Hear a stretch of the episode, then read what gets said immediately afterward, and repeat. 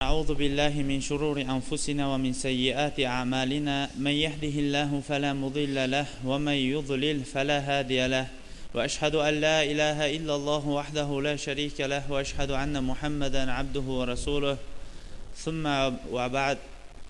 modomiki suhbatimiz namoz va namozning arkonlari haqida ketar ekan biz o'tgan jumalarda farz va vojib namozlarni tugatgandan keyin nafllarning afzali bo'lmish tahajjud haqida suhbat yuritgan edik.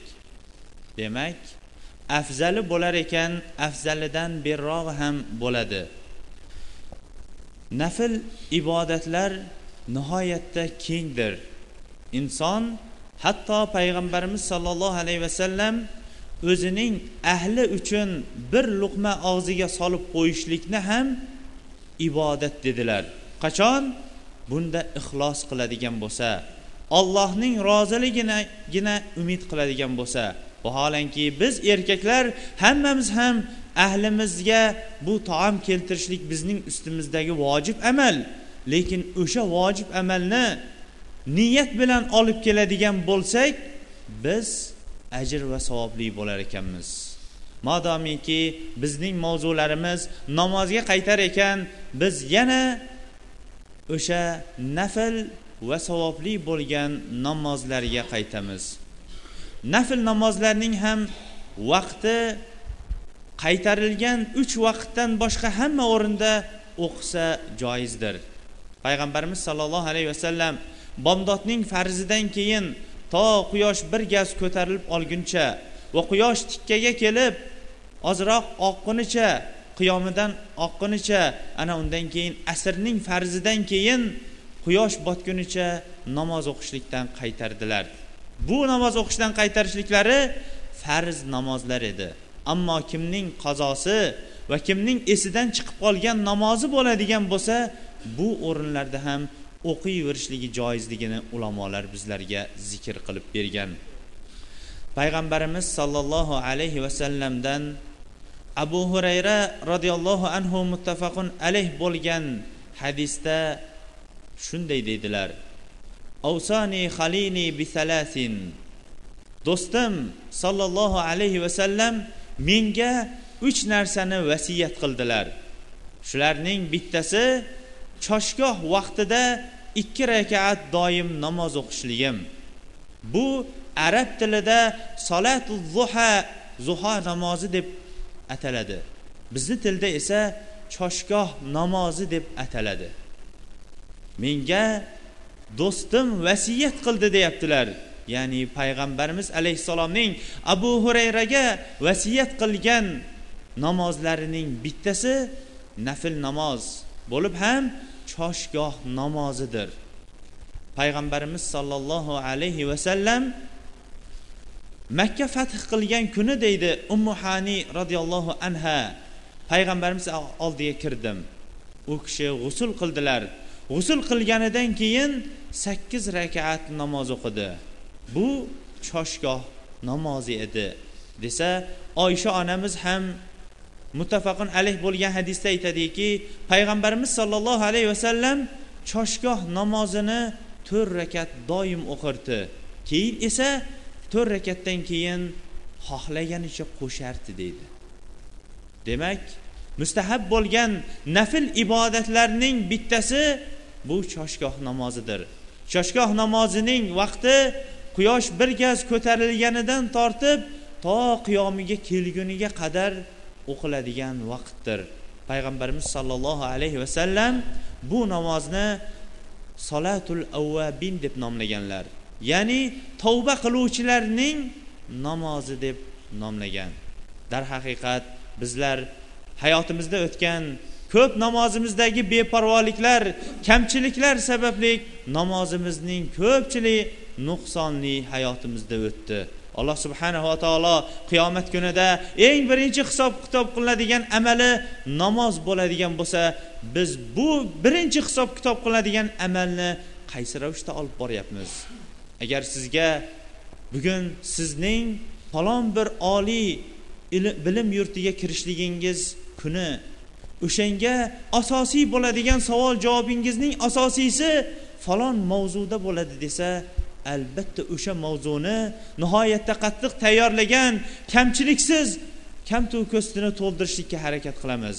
Biz ham qiyomat kunida butun mahshargohda insonlar jamlangan hammalari o'zlarining qilgan xoh yaxshi xoh yomon amallarini ko'tarib kelayotgan vaqtda eng birinchi hisob kitob qilinadigan amalimiz namoz bo'lar ekan. Bu namozni kamu ko'zsiz to'ldirib olishlikka harakat qilaylik. Bittagina juma kunidagina o'qib qo'yiladigan namoz emas balki besh vaqt bir kecha va kunduzda o'qiladigan namoz haqida u kunda so'ralinadi. Payg'ambarimiz sollallohu alayhi vasallam bu hadisni bayon etarkan alloh taolo birinchi hisob kitob qilinadigan narsasi namoz ekan bandasini agar namozida biron bir nuqson kamchilik bo'ladigan bo'lsa alloh taolo farishtalarga qarab aytar ekanki qaranglar bandamning kitobiga agar unda biron bir nafl ibodatlari bo'ladigan bo'lsa bu kamchiligini bandamning kamchiligini o'sha nafl namozlari bekitib yuborsin deb buyurar ekan. Bu ham alloh taoloning bizlarga bergan keng marhamati va mag'firati sababli bo'lar ekan.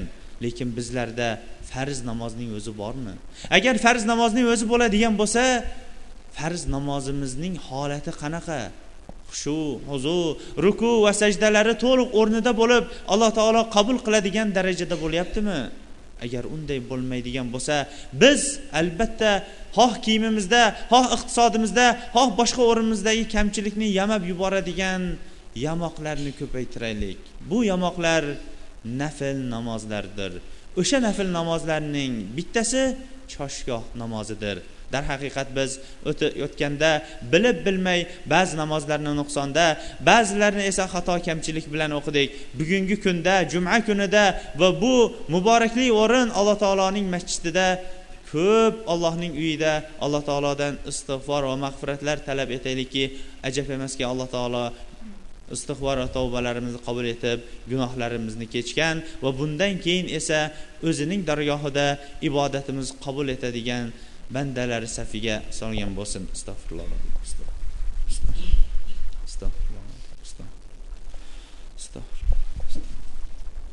Alhamdulillah vassalatu vassalamu ala rasulilloh va ala alihi va sahbihi va man ihtada bihadihi ila yomiddin payg'ambarimiz sollallohu alayhi vasallamga bir necha bor jannat ko'rsatildi. Va shuning muqobilida bir necha bor jahannam ham ko'rsatilingan. Inson umid bilan jannatga bo'lgan umidi bilan harakat qiladi va jahannamdan qo'rquvsi bilan ham undan saqlanadigan amallarni qilib turib saqlanib harakatini qiladi. Payg'ambarimiz alayhissalom jannatni ko'rib jannatda yurgan vaqtida muttafaqun alayh bo'lgan bu ali roziyallohu anhuga bir kun aytdilarki islomda siz qanday bir chiroyli amal qildingiz? Chunki men sizning oyoq tovushingizni jannatda eshitdim dedilar. Vo ajabo inson bu dunyoda yursayu lekin uning oyoq tovushlari jannatda jaranglab tursa ya bu naqadar baxtli inson. Ular darhaqiqat saodat va baxt nima ekanligini bilgan insonlar edi. Ali roziyallohu anhu bilol roziyallohu anhu aytdilarki men islomda bir qilib qo'ygan biron bir amalimni bilmayman lekin men qachon tahorat olsam ikki rakat namoz o'qib olardim dedilar. Mana shu tahorat olganimdan keyingi o'qib olgan ikki rakat namozim mening oyoq tovushlarimni jannatda eshitishligiga sabab bo'lgan bo'lsa kerak degan ekanlar. Darhaqiqat insonlarning ko'pchiligi ko'p sonlarga o'rganganligi uchun oz sonlarni ba'zilari kam hisoblaydi. Lekin oz sonlar toma toma ko'l bo'lur deganiga o'xshash oz sonlar ko'p yilga agar ko'paytirilsa juda bir katta tog'lar hosil bo'ladi. Chunki tog'lar ham mayda mayda toshlardan iborat bir uyum tosh hisoblanadi. Inson doim tahorat olgan vaqtda farz bo'lmagan ya'ni nafl ikki rakat namoz o'qib qo'yishligi bir kunda necha rakat namoz o'qib qo'yishligiga sabab bo'ladi. Vaholanki ikki rakat namoz o'qib qo'yishligi undan hech qancha vaqtni talab etmaydi. Bir kunda necha rakat nafl o'qib qo'yadi? Bir haftadachi bir oydachi umri bo'yicha. Albatta biz xuddi boshqa amallarda o'zimizni o'rgatganimizga o'xshash diniy va oxirat ishlarida ham o'zimizni chiniqtirmoqligimiz va o'zimizni allohning toatiga iymoqligimiz lozimdir. Payg'ambarimiz sollallohu alayhi vasallam jannat nihoyatda qiyinchiliklar bilan o'raldi. Jahannam esa yaltiroq yengil narsalar bilan o'raldi deb bizlarga bayon etdi. Lekin ikki rakat namozni o'qib qo'yishlik bu qiyinchilik bo'lmaydi. Alloh taolo unga qiyinchilik qilmagan kishiga.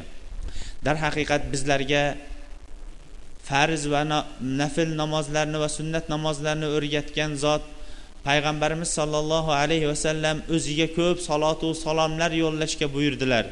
Bo'lib ham juma kunida o'ziga ko'proq salotu salomlar yo'llashga buyurdilar. Bu kun u zotga ko'proq salotu salomlar yo'llaylik allohumma salli ala muhammad va ala ali muhammad kama sallaita ala ibrohim va ala ali ibrohim innaka hamidun majid allohumma barik ala muhammad va ala ali muhammad كما باركت على إبراهيم وعلى آل إبراهيم إنك حميد مجيد اللهم أعز الإسلام والمسلمين وأذل الشرك والمشركين اللهم يا مقلب القلوب ثبت قلوبنا على دينك. اللهم يا مسرف القلوب صرف قلوبنا على طاعتك. ربنا لا تزغ قلوبنا بعد إذ هديتنا وهب لنا من لدنك رحمة إنك أنت الوهاب. وصلى الله تعالى خير خلق محمد وعلى آله وصحبه أجمعين برحمتك يا أرحم الراحمين. أعوذ بالله من الشيطان الرجيم. بسم الله الرحمن الرحيم. أفلا ينظرون إلى الإبل كيف خلقت وإلى السماء كيف رفعت وإلى الجبال كيف نصبت وإلى الأرض كيف سطحت فذكر إنما أنت مذكر لست عليهم بمسيطر إلا من تولى وكفر فيعذبه الأكبر. إن إلينا إيابهم ثم إن علينا حسابهم. سبحان ربك رب العزة عما يصفون. وسلام على المرسلين والحمد لله رب العالمين.